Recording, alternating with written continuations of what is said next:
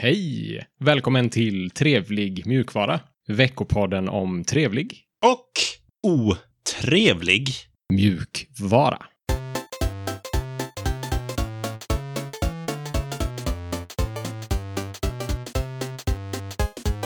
Mitt namn är Sebastian och med mig har jag Alex som vanligt på andra änden. Tjena tjena! Tjena! Hur är läget denna veckan?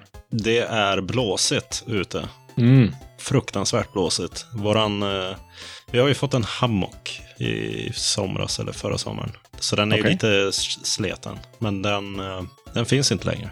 Den Va? har, den har blåst, blåst bort. Jaha, det är någon granne som har fått en extra hammock nu. Nej, men den blåste väl 15 meter eller någonting och den har ju gått isär i bitar. Ja, Okej, så det, Jesus. det har hänt. Det är spännande. Ja, ja. Själv då? Äh, jo, ja, det är ju halvkass väder här också. Men det är inget som har blåst bort, vad jag vet. Nej, ni har ju ganska... Ni har inte någon hammock på balkongen tror jag. Nej, det har vi inte. Annars har det väl varit eh, sitta inne. Det är ju vädret tillåter ju det, tycker jag. Så jag Ja, har inte så dåligt samvete. datorväder. Precis. Vad ska vi prata om den här veckan då? Vi börjar med lite nyheter. Och sen har vi en otrevlighet som är en liten uppföljning på det vi snackade om förra veckan.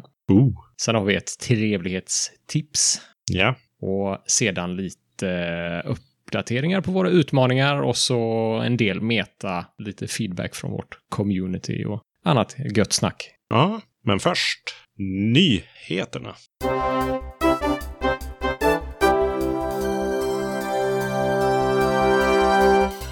Fedora i ny version. Raspberry Pi är i ett tangentbord och Google. Yes. Vi börjar med Fedora 33 och det är en ny version av Fedora. Right. Ja, Fedora 33 har ju släppts. Fedora siktar ju på att släppa grejer ungefär en gång i halvåret och släpar väl efter ungefär varje gång. Ja, okej. Missar sin deadline. Ja, fast de har väl inte någon hård deadline som Ubuntu har exempelvis. Men, eh, Mm. Och de har ju ett gäng editions. Vet du vilka de, de är? Nej, jag har ingen aning. Jag vet knappt vad Fedora är för typ av eh, distribution. Det är ju, eh, på sätt och vis är det väl ungefär som Ubuntu fast inte baserat på Debian. Ja, ah, okej. Men de är ganska långt fram i i utvecklingen. Där De har mycket, de är väldigt snabba att hoppa på nya saker. Ja, men det, är ju en, det stämmer ju bra med uppfattningen som jag också har fått. Mm. De testar ju ganska mycket nytt och är inte rädda för att stoppa in det i deras distribution. Mm. Just det, just det. Och de här de- editions eh, som jag frågar efter är ju workstation som är, ja, det är väl för stationära datorer som man sitter och jobbar på. Mm. Sen är det server, IoT och så finns det två stycken som är typ förhandsvisning eller på G kan man kalla det kanske. Okej. Ja, De kallar det för emerging technologies. just det. Super bleeding edge. Ja, och det är ju Fedora Core OS och Fedora Silverblue som båda är någon slags eh, auto-uppdaterande eller ganska udda distributioner Mm. med fast bas och sådär. Men det, de Okej. är lite intressanta. Ja, ja. Är det alla de här editions som har fått eh, ny version idag? Ja, och sen beror det ju på vilken, vilket spår man är på i Core OS till exempel. Om man får den här senaste versionen eller inte. Okej. Men i Fedora Workstation så har de ju kommit upp till Gnome 3.38. Mm. De har eh, ja, visat på att de är lite bleeding edge för att de har bytt till BTRFS som standardfilsystem. Mhm. Och det brukar kallas för ButterFS eller B3FS beroende på vem man frågar. Ja, Okej. Och det är ju ett eh, mm, lite halvkontroversiellt val. Det är många som har varit lite arga på det filsystemet eftersom att det har eh, lite brister när det kommer till vissa RAID-konfigurationer.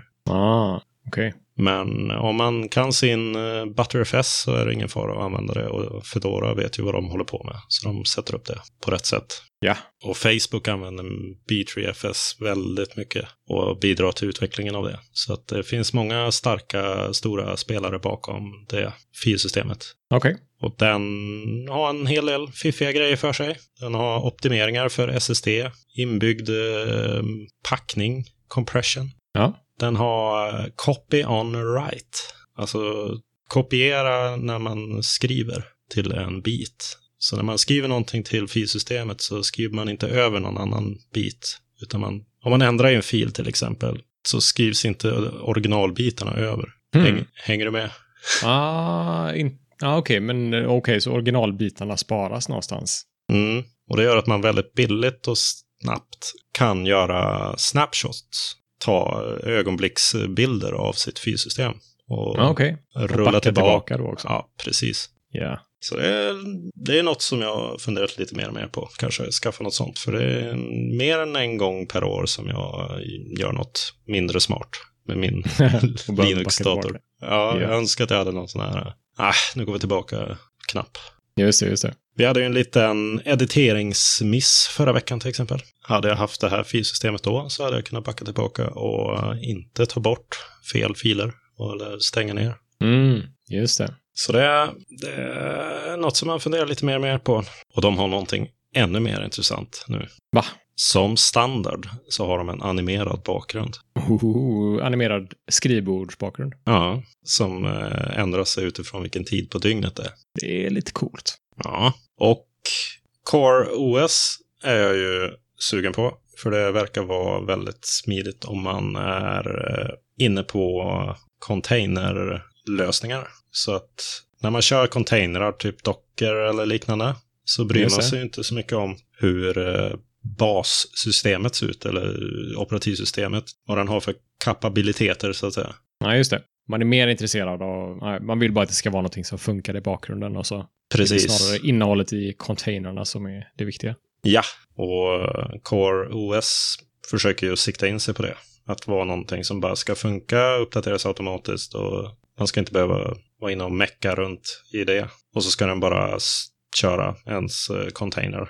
Okej. Och nu med eh, Fedora 33 så kommer det att vara valbart i, i molnet för första gången med Fedora Core OS. Så det är lite intressant. Jag förstår inte riktigt valbart i molnet. Alltså när du sätter upp... Ja, om eh, man sätter upp en VPS så får man ju välja olika operativsystem och nu är Ah, okej. Fedora Core OS valbart.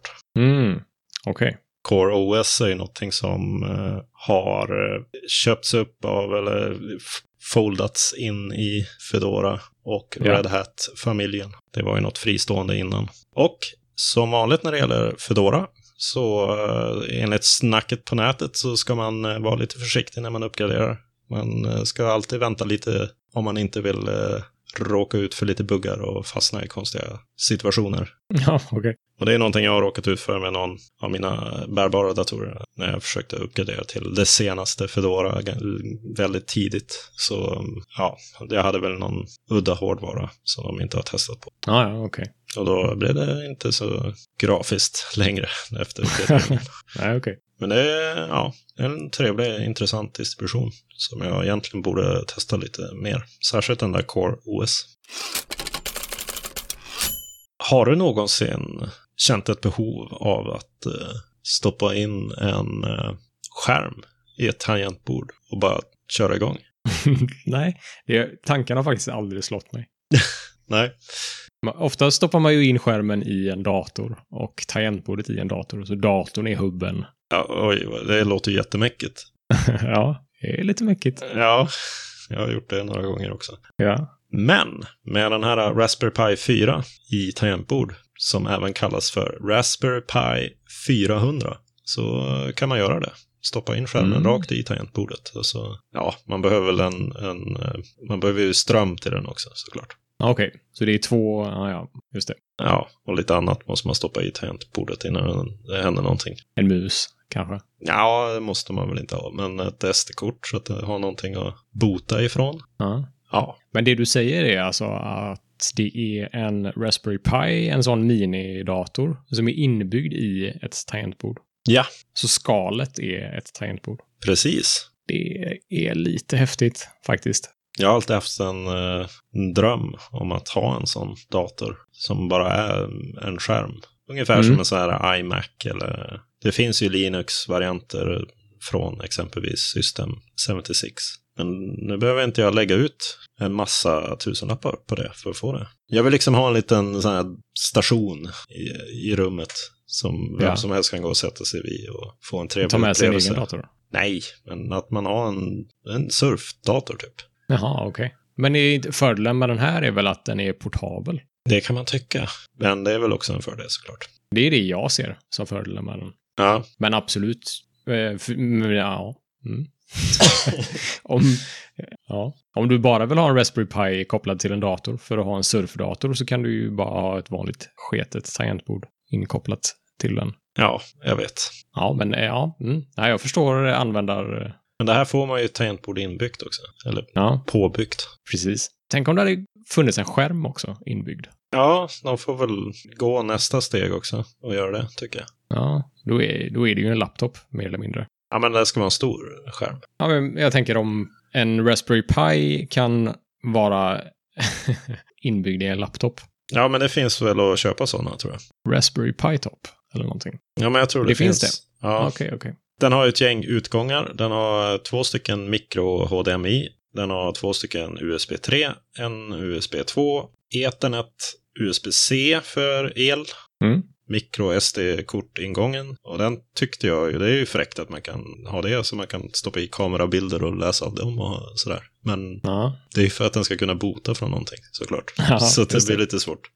Ja. Även om jag tror faktiskt att operativsystemet går att köra, men den kommer nog klaga på en massa saker. Det är inte optimalt i alla fall. Och så har den en 40-pin eh, GPIO-utgång. ja, där man kopplar in alla möjliga olika tilläggskort och grejer. Om du vill mäta luftfuktigheten eller... Ja, men det är ju de här eh, metallpiggarna som man kan koppla in alla möjliga saker i. Just det. Ja. Sen är den snabbare och coolare i dubbel bemärkelse mot en vanlig 4 GB Raspberry Pi 4. För det här är Okej. någon slags eh, C0-variant av eh, chippet som inte blir lika varm som B0-varianten. Ja, okej. Så den är ytterligare lite bättre än vad den bästa vanliga Raspberry Pi är. Ja, fast jag tror att om man beställer en sån Raspberry Pi nu så får man den C0-varianten. Okej. Den har ju även en bra och stor kyllösning. Så det är väldigt stor sån här kylfläns, heter det Mm. Så det ska tydligen gå att klocka den väldigt mycket utan att det påverkar ja, livslängden och sånt. Ja, just det. Den ser ju rätt eh, fräck ut, får jag säga. Ja, Det ser ut som ett lit, eh, ganska litet eh, kompakt tangentbord. Ser ut som ett laptop-tangentbord. ja precis. Eh, och så lite tjockare. Och så på baksidan då har den alla inputportar. Ja, Ja, det ser vit med svarta och röda knappar. ja. Men du blir lite, du förstår väl ändå vad jag är ute efter med den där eh, datorplatsen i rummet? Ja, Men vad- eh, det kanske finns andra bättre datorer för det, men det här är ju ändå smidigt för då kan jag ändå ta med den också. ja ja, precis. Du kan ta med den så länge du har en skärm dit du ska. Ja, Så kan du koppla in den. ja lite fräckt ändå. Ja, jag, jag tycker det. Jag gillar, gillar idén som fasen. Och tydligen är den ju enkel att öppna upp också, utan skruvar. Man ska kunna bara flärpa upp någonting. Så. Ja, okej. Och än så länge så är det ju bara de klassiska franska, tyska, spanska, italienska och engelska layouterna som finns tillgängliga. Ja, det är ju synd, tycker jag. Men deras mål är att snart stödja samma språk som deras vanliga andra tangentbord som inte har något inbyggt. Ja, okej. Och där, och där finns svensk layout att välja. Ja, så det kommer. Ja, så det gjorde mig lite, lite glad. Bra. Något, det är nästan absolut häftigaste med den här är ju priset, tycker jag. Det står på deras hemsida att den ska kosta 70 dollar. Ah, så Det fem, är ju- 1500 i Sverige då? ja, inte riktigt. Nej. Vad, äh, vad blir det? 800 kanske? Ja Eller men, det, någonting? ja, men brukar det inte bli typ... Om de säger 70 då avrundar man ju i Sverige upp till 1000. eller någonting. Ja, jo. Ska vi titta på... eh, Vi kan ju kolla upp det där. Eh, vad en Raspberry Pi 4... Nu skriver jag ju samtidigt som jag pratar. Men. Ja, det är helt okej. En Raspberry Pi 4, vad säger de att den kostar? Om man ska köpa en sån. På prisjakt så är det billigaste priset 667 kronor. Ja, och om man köper den här på, kan kolla på Amazon kanske? Ja, på Amazon är det 56, 55 dollar. Okej. Eh, 669 delat på 490. Så 1,36 gånger priset. Ja, vad blir det då? Om du tar det där 70 dollar. 830, 840, något sånt. Ja, Ja, 8 849,90 då. ja. Under, under 1000 kronor Ja, i alla fall. När den säljs i Sverige då. fortfarande prisvärt. Fortfarande prisvärt. Det tycker jag verkligen. Och man ska väl inte ta det som någon sanning, det vi hittar på här nu. Men det är vår vetenskapliga metod som vi använder för att... räkna ut det. Allt blir lite dyrare bara för att man bor i Sverige. Ja. Det är fantastiskt. Ja, ja. Men, eh, ja, men precis som du säger, det är ju fortfarande väldigt prisvärt. Och man får ju en ganska kraftfull dator ändå. Ja, det är ju 4 gigabyte ram och det är en... eh, Vad är det? Åtta kärnor i den där. Ja, just det. Blir ju lite sugen på att använda en sån för att utveckla, sitta och koda på. Ja, Det, problemet är ju att tangentbordet är ju kanske det viktigaste när du sitter och kodar. Och det är ju det enda du inte har chans att byta ut här i den här produkten. Ja. Men eh, det, tangentbordet, eh, vad jag har läst så tycker ju folk att det är skönt mm. att använda. Så eh, det kanske skulle funka ändå. Det är ju sådana platta, platta laptop-tangenter dock. ja jag är inte... Jag var inne på det spåret förr, men nu är jag, Mm. har jag blivit lite allergisk mot det. Mm. Det får ju vara lite djup i trycket, så att säga. Ja, jag kan nog nästan tycka det också. Men det är ju en liten sån där äh, frukt istället för äh, Windows-symbol på metaknappen. Det är ju kul. Ja, precis. Ja, hade det varit en Windows-symbol där så, Nej, då Ja, hade det de vet jag ju inte. misslyckats någonstans. ja, verkligen. Snacket på nätet i alla fall, att det är väldigt, väldigt positivt. Christer i vår telegramkanal blev ju också lite exalterad. Det är ju något slags snacket på nätet. Ja, vad roligt att han postade den precis. Ja, du, du hade hittat nyheten Ja, tidigare och vi hade planerat att snacka om det i detta avsnittet och så kommer Christer in och nämner samma sak. Ja. Det är ja. roligt. Det folk är lite missnöjda med är att det inte är en fullstor HDMI-port. Mm. Det är väl det enda som jag har sett konkret. Det finns ett större kit man kan köpa som innehåller lite eh, extra sladdar och sådär. Och då kommer en sån mikro-HDMI till vanlig HDMI-kabel Ja, med i det kittet. just det. Och en mus också, som de har eh, gjort. Ja. Pi Mouse. Måste man använda vänsterhanden för den musen eller? Det gör de ju på all, eh, allt marknadsföringsmaterial. Ja. Precis. Det Ja, är märkligt. jätteförvirrande. Ja. Jag är vänsterhänt, men jag använder absolut inte vänsterhanden till musen. Det är ju konstigt dock. Ja. Google avslöjar Zero Day i Windows. Okej. Gör de det här för att eh, ta bort strålkastarljuset från deras kontroversiella ändring av ikoner de har gjort det sista? Ja, just det. De har bytt ut alla de där ikonerna. Jag gillade dem inte. Det... Nej, jag har jättesvårt för dem. Men eh, du var ju jättesvårt för dem rent generellt, Ja, har jag fått uppfattningen om. ja, Ah, det är ju bara ikoner. jag vet att det bara är ikoner, men Ja. jag förstår det där, de ska visa sina färger och, ass- och allt Ja. det där. Men nej, så långt behövde de inte gå, tycker jag. Jag tycker det påminner väldigt mycket om, nu blir det här en diskussion om i- deras nya ikoner istället, men det påminner väldigt mycket om hur Firefox har designat sina ikoner på sistone. Ja, de har De samma har också stuk. precis samma stuk. Mm. Det är någon, någon trend det där, tror jag. Ja. Som man kommer gå över fort. ja, ja, vi får väl se. Om de inte har gjort det för att gå över till...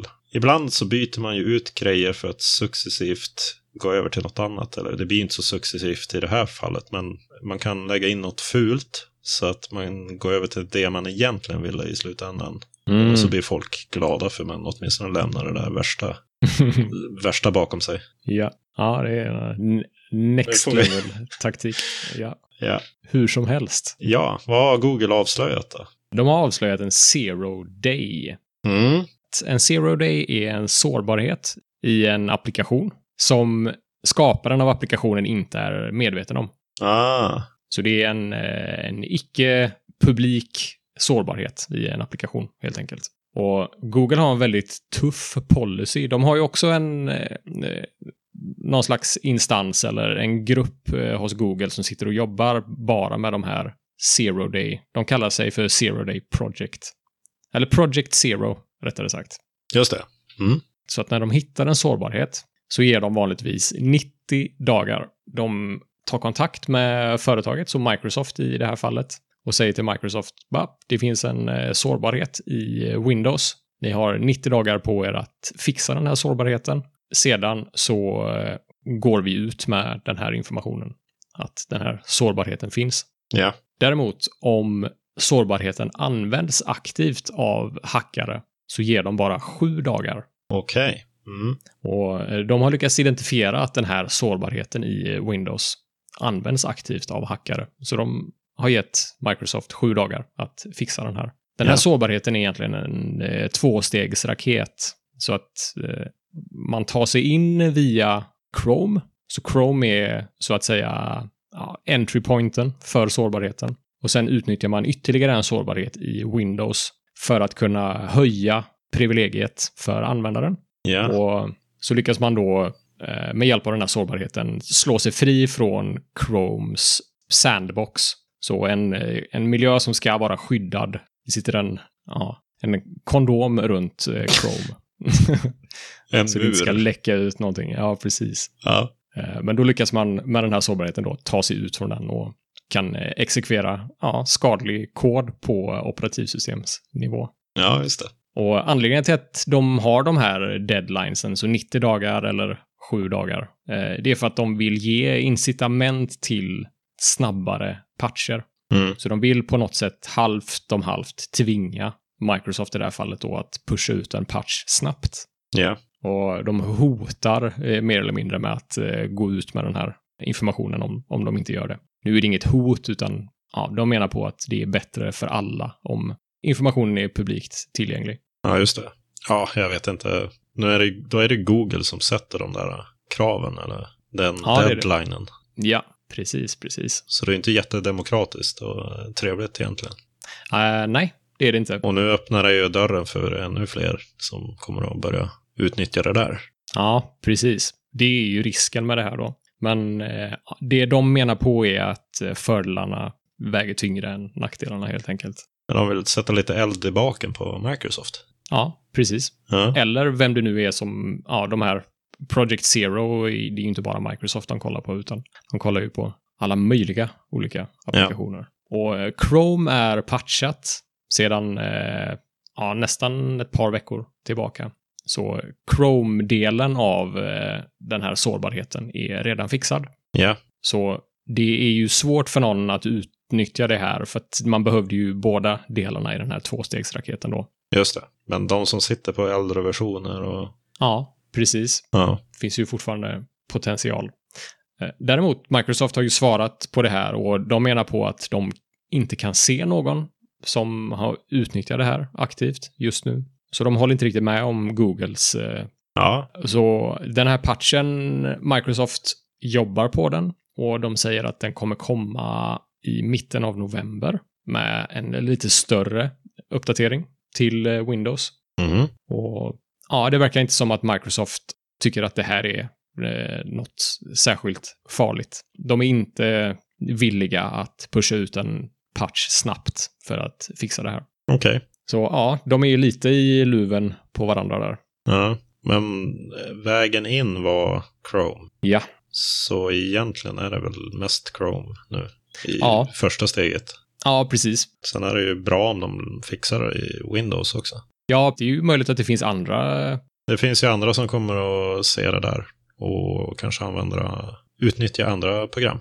Precis, precis. Det är ju ändå ett säkerhetshål i Windows. Ja, Det de också vill pusha på här är att man har inte sett någon koppling mellan det här säkerhetshålet och valet i USA. För det är en väldigt het potatis just nu. mm. Folk är oroliga att det ska hackas och att man ska påverka resultatet i valet. Men eh, man har inte sett några kopplingar till det alls. nej, Även om det är ofta med sådana här eh, säkerhetshål så är det ju statliga eh, hackare eller hackergrupper som upptäcker och utnyttjar de här säkerhetshålen. Eller väldigt stora hackergrupper. Mm. Så ja, ja, ja, man vet inte så mycket mer Nej. om det här än så. Men eh, Ja. Ska vi eh, fortsätta på lite otrevliga saker kanske? ja, det får vi göra. GitHub. YouTube DL pratade vi ju om eh, förra avsnittet. Mm. Vi behöver ju inte eh, dra fram den där 80-tals eh, Flashback-grejen va? Nej, det är ju så pass nyligen. Ja, Så, eh, jag tycker man kan gå tillbaka till det avsnittet och lyssna på, på det otrevlighetssegmentet om man är intresserad av detaljerna. Men vi har Ja. en liten uppdatering där nu. det har vi. Precis. Så att det handlade ju lite supersnabbt eh, bara om YouTube DL, som är ett väldigt populärt open source-verktyg för att ladda ner innehåll från YouTube, som används på alla möjliga olika sätt. Inte framför allt för att pirata videos från YouTube. Mm. utan eh, supermycket applikationer har det här verktyget. Ja. Och GitHub hade fått en, eh, en DMCA-notis, en eh, Digital Millennium Copyright Act. Eh, det vill säga att det här verktyget innehåller kod som eh, bryter mot eh, copyright-lagarna. Ta bort det här från era servrar. Ja. Och det gjorde GitHub. Och det har ju slagit tillbaka på dem storskaligt Mm. användare tycker inte om att eh, koden försvinner från GitHub och att eh, de inte har mer integritet än så. Ja. Till GitHubs försvar så vill de ju inte bli stämda heller. Så att de sitter ju i en lite konstig, svår position där faktiskt. Ja. Bovarna i det här dramat är ju egentligen de som har anmält YouTube DL, vilket är RIAA, Recording Industry Association of America. Det vill säga ja, skivbolagen, eh, den gemensamma organisationen för skivbolagen i USA. Ja. Ja, de är inte så trevliga. Nej, de... Nej, det håller jag med om. De verkar ha väldigt dålig koll på tekniken också. Alltså mycket i den här eh, notisen, DMCA-notisen, är liksom tekniskt fel och de har missförstått en massa saker och sådär. Men hur som helst, användare, utvecklare och något som var lite roligt, GitHubs CEO är väldigt irriterade på det här. Ja. Och GitHubs CEO har personligen gått in på YouTube DLs IRC-kanal och erbjudit hjälp att få upp det här, den här koden på GitHub igen. Mhm. Och det är lite roligt att han är så involverad i det här. Och jag tror han är väldigt mån om GitHubs varumärke också, såklart. Ja. Ja. Så det ligger nog lite sånt bakom där också. Ja, Det har varit ett eh, ja, hårt slag mot GitHub om de inte får tillbaka koden. Ja, Om den flyttar till GitLab eller något annat ställe. Ja, ja. Exakt, exakt. Och det är ju det är liksom inte bara på grund av koden, utan det är ju något slags eh, statement. Om, om det kan hända ett eh, repository så kan det hända vilket repository som helst. Ja, precis. Men GitHub CEO eh, Nat Friedman heter han Mm. har varit i kontakt med dem, som sagt. Och han menar på att han vill pusha väldigt mycket på att GitHub är där för att hjälpa utvecklare. Och att han tycker att de här DMCA-reglerna är alldeles för hårda i vissa avseenden. Ja. Kärnan i bevisningen mot YouTube DL är väl att de använder eh, viss copyrightad eh, eller upphovsrättsskyddad musik i sina tester, sina automatiska tester. Ja, just det, just det. Och det gör de ju för att de ska kunna verifiera att eh, YouTube DL fungerar med mot YouTubes rolling ciphers, eller vad det heter. Mm, precis. Så det finns ju tydlig kod, eller fanns tydlig kod, där man laddade hem Taylor Swift och lite sån musik. Just det, just det. Men det var ju inte hela låtar eller sådär. Nej, det verkade bara vara några megabyte, alltså någon lit, pytteliten del, några sekunder bara. För att Ja. testa. Eh, och så, det har ju protesterats eh, väldigt mycket här och utvecklare är ju en viss eh, typ av eh, människor. Så eh, om någon säger till dem du får inte göra det här så kommer de göra det ändå och de kommer göra det tio gånger. De kommer göra det hundra gånger. Så det här projektet, koden finns ju tillgänglig långt mycket mer nu än vad det gjorde innan eh, hela det här debaclet. Mm. Så det finns ju över hela, över hela internet. Och GitHub har bland annat ett repo med alla sina sådana här DMCA-notiser som de samlar. Så det är en hel lista av alla DMCA-notiser de eh, har fått. Och i det här repot så finns det en kopia av källkoden för YouTube DL Aha. som fortfarande ligger kvar på GitHub. Och det här repot har forkats hundratals gånger. Okej. Så det finns alltså hundratals kopior av det här repot med koden på GitHub fortfarande. Ja. Eh, Forkarna var liksom väldigt komiska vissa gånger. Någon har ritat en någon eh, halvaggressiv bild och andra har eh, ändrat eh, lite whitespace i någon dokumentation och det är liksom nonsensändringar Ja. och det finns även exempel på hur de har delat den här koden på andra sätt. Så att det finns en, bland annat en användare som heter Galactic Furball på Twitter som har bakat in källkoden i PNG-bilder Okej. som han sprider runt i, Ja. eh, på Twitter. Och han eh, ja, säger till folk, sprid de här bilderna. För i källkoden för de här bilderna så kan man extrahera hela YouTube-del. Ja, det är, ju- det är ett sätt att göra det på. Det är ett sätt att göra det på. Ja. Precis. Ingen kommer att ja, tysta utvecklarna på Nej, något sätt. Jag, är lite, jag tycker att det är lite härligt. ja, Så ja, så ser det ut nu. GitHub håller på att jobba med YouTube DL för att få tillbaka det på GitHub. mm. Och förhoppningsvis så går ju det bra och alla blir nöjda. Och det har ju också lyft väldigt mycket just problemen med de här DMCA-notiserna ja, tycker jag. Många har blivit eh, medvetna om det. Och just att de är så tekniskt dåliga Mm. i de här eh, notiserna gör ju att man har ju ingen respekt för det överhuvudtaget, tycker jag. ja. YouTube DL kommer ju inte att försvinna, men GitHub och de här eh, RIAA kommer ju att ta lite, få lite bad press, eller vad kallar man det? Ja, precis. Dålig publicitet. Ja, precis. Nej, vi tittar på något eh, trevligare tycker jag. Ja, det får vi göra. Ett litet eh, tips. Någon slags eh, webbläsarhack. Någon hack. Något slags webbläsarhack. Ja. Som du kallar det, tror jag. Du tipsade ju mig om det här för några dagar sedan. Ja, jag, jag hittade det själv. Jag är ju... Det är kallat för SSB, eller Site Specific Browser. Och det är en funktion som finns i Firefox. Aha. Och den är lite dold. Så att den finns liksom inte tillgänglig med en gång, utan den är gömd bakom en sån feature-flagga Ja. i Firefox. Man går in i den här about colon config eller? Exakt. Mm. Så kan man söka efter SSB och så ändrar man den från enable false till enable true. Och vad gör den för någonting spännande? Det är ju Firefox variant av PWA. Så PWA är ju Chromes progressiv, progressiv webbapp. En progressiv webbapp, Ja, fast i Firefox.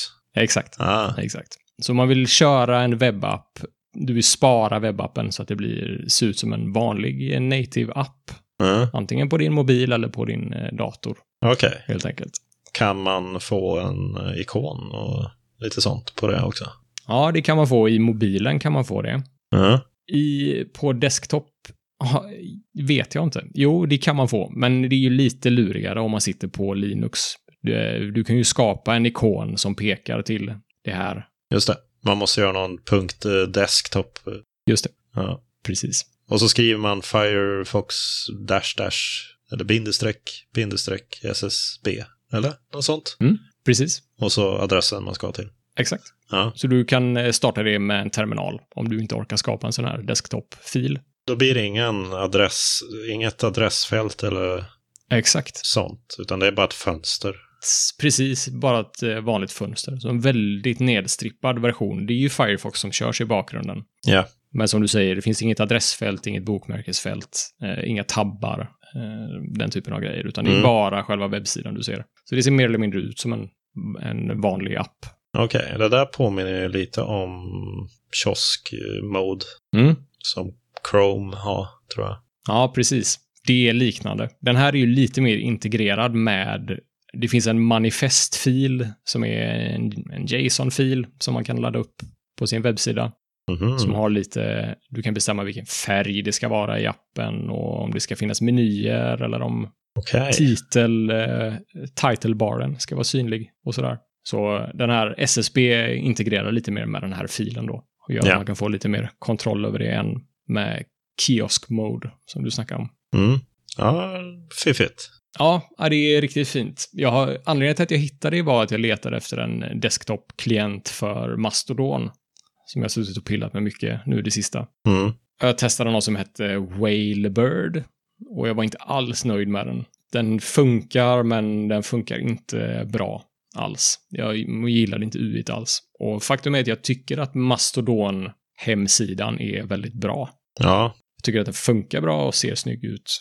ja. Så ja, kör man den här eh, Firefox mellanslag streck SSB och sen sin Mastodon-instans så startar den ett fönster där du kan få Mastodon-hemsidan som en app på din dator. ja. Så det är den jag kör nu ja. helt enkelt, som min Mastodon-app på min dator. Jag vill gärna ha den fri från, jag har en skärm som är dedikerad till, en skärm och ett workspace som är dedikerat till eh, chattprogram. Då. ja. Sociala fönstret. Ja, precis, exakt. Ja. Bra tips. finns i avsnittsbeskrivningen precis vad du behöver skriva i din terminal för att starta det här. Så kan man bara kopiera och testa, tycker jag man ska göra. Man kan använda det på vilken sida man vill.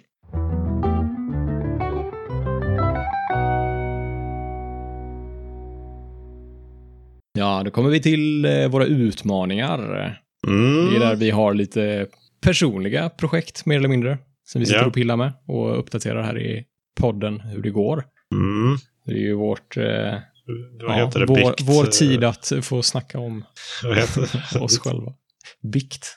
Nej, vad heter det? Bikt. Stol. Bikt.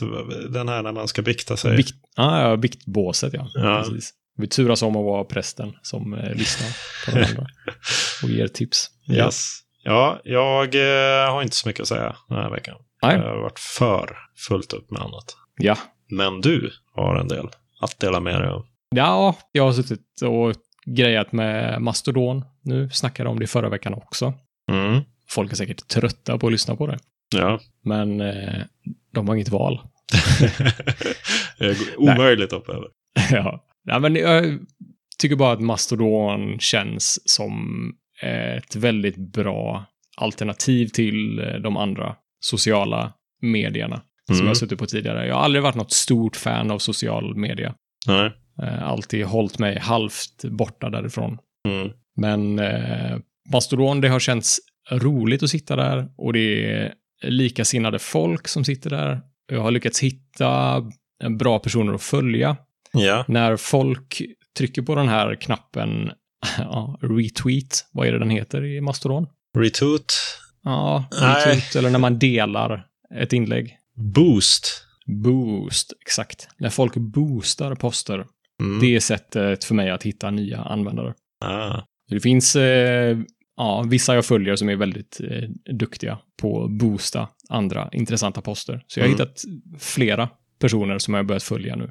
Som Ja. är, ja, verkar jättevettiga. Och jag har inte sett någonting negativt på Mastodon än. Det kanske kommer när jag expanderar mitt nätverk. Men eh, det är liksom ingen som är arg på någon annan. Eh, det tycker jag det är hela tiden på Twitter.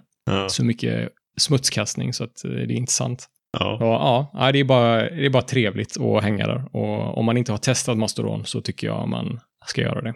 ja, nej, jag eh, håller med. Jag skriver under. Om man lyssnade på förra avsnittet och är sugen på att sätta upp en egen instans som jag har gjort och vill göra det via DigitalOcean som jag har gjort och väljer det billigaste alternativet där så kommer Mastodon-instansen att krascha om man inte sätter på swap Just så det kan ju vara ett eh, tips. Det var du som hjälpte mig att fixa det där.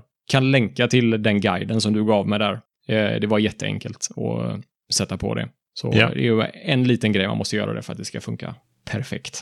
Ja, det är kul att det funkar. Mm. Mm. Äh, dags att blicka inåt igen. Ja, det är det. Meta. Vad har vi snackat om i vårt community denna veckan? Ja, det har varit lite eh, feedback på det här med att du valde Gmail. Ja, just det, för att sätta upp eh, Mastodon-instansen. Ja, Precis. Och eh, vi fick ett eh, trevligt tips på en eh, distribution kan man inte riktigt kalla det, men nå- ett färdigt eh, enkelt eh, administrerbart eh, verktyg kanske. Mm. Why you know host, .org. eller you know host, Ja, just det. som eh, Mummut i, på Mastodon tipsade om. Så det var Ja. ett bra tips. Där får vi kika in och kanske ta upp i, som någon trevlighet någon gång. Ja, det får vi faktiskt göra. Det låter som ett eh, bra alternativ till eh, Gmail Ja. för det här ändamålet. Mm. Du kanske kan eh, skaffa någon Raspberry Pi och testa det. Precis. Eh, sen har Arvid på Mastodon också eh, börjat jobba på en sida som heter osmart.nu, kallar han den. Mhm. Låter spännande, va? Ja, vad är det? Ja, eh, det handlar ju om att alternativ till eh, så kallad smart teknik, Mm. skriver han på sidan.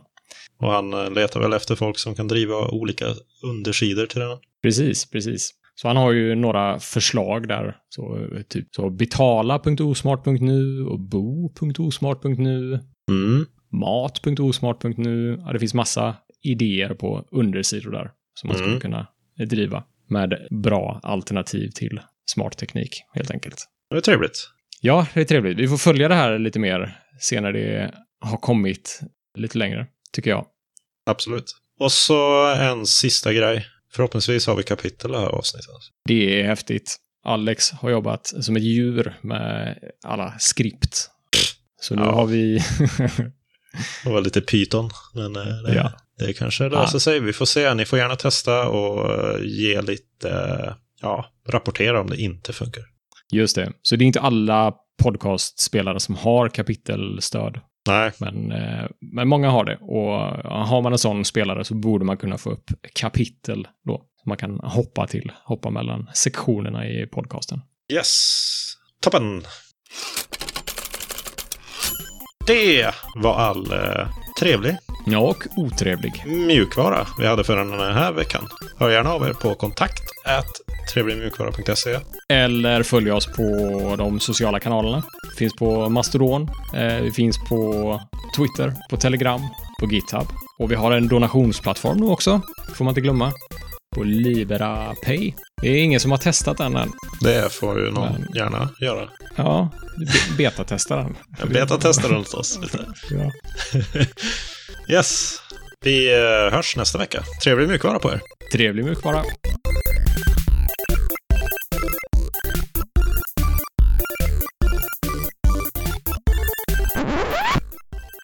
Ah, jag känner mig alldeles att jag måste ta med den här eh, morgonrocken. Det är alldeles för varmt.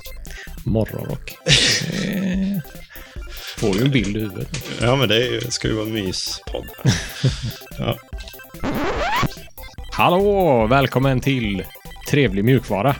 Veckopodden om trevlig. Och ot. jag tappar rösten. Okej. Otäckt. eh. Nej, vi tittar på något eh, trevligare tycker jag. Ja, det får vi göra. Ett litet eh, tips. What? Vad händer? jag, jag vet inte. Så.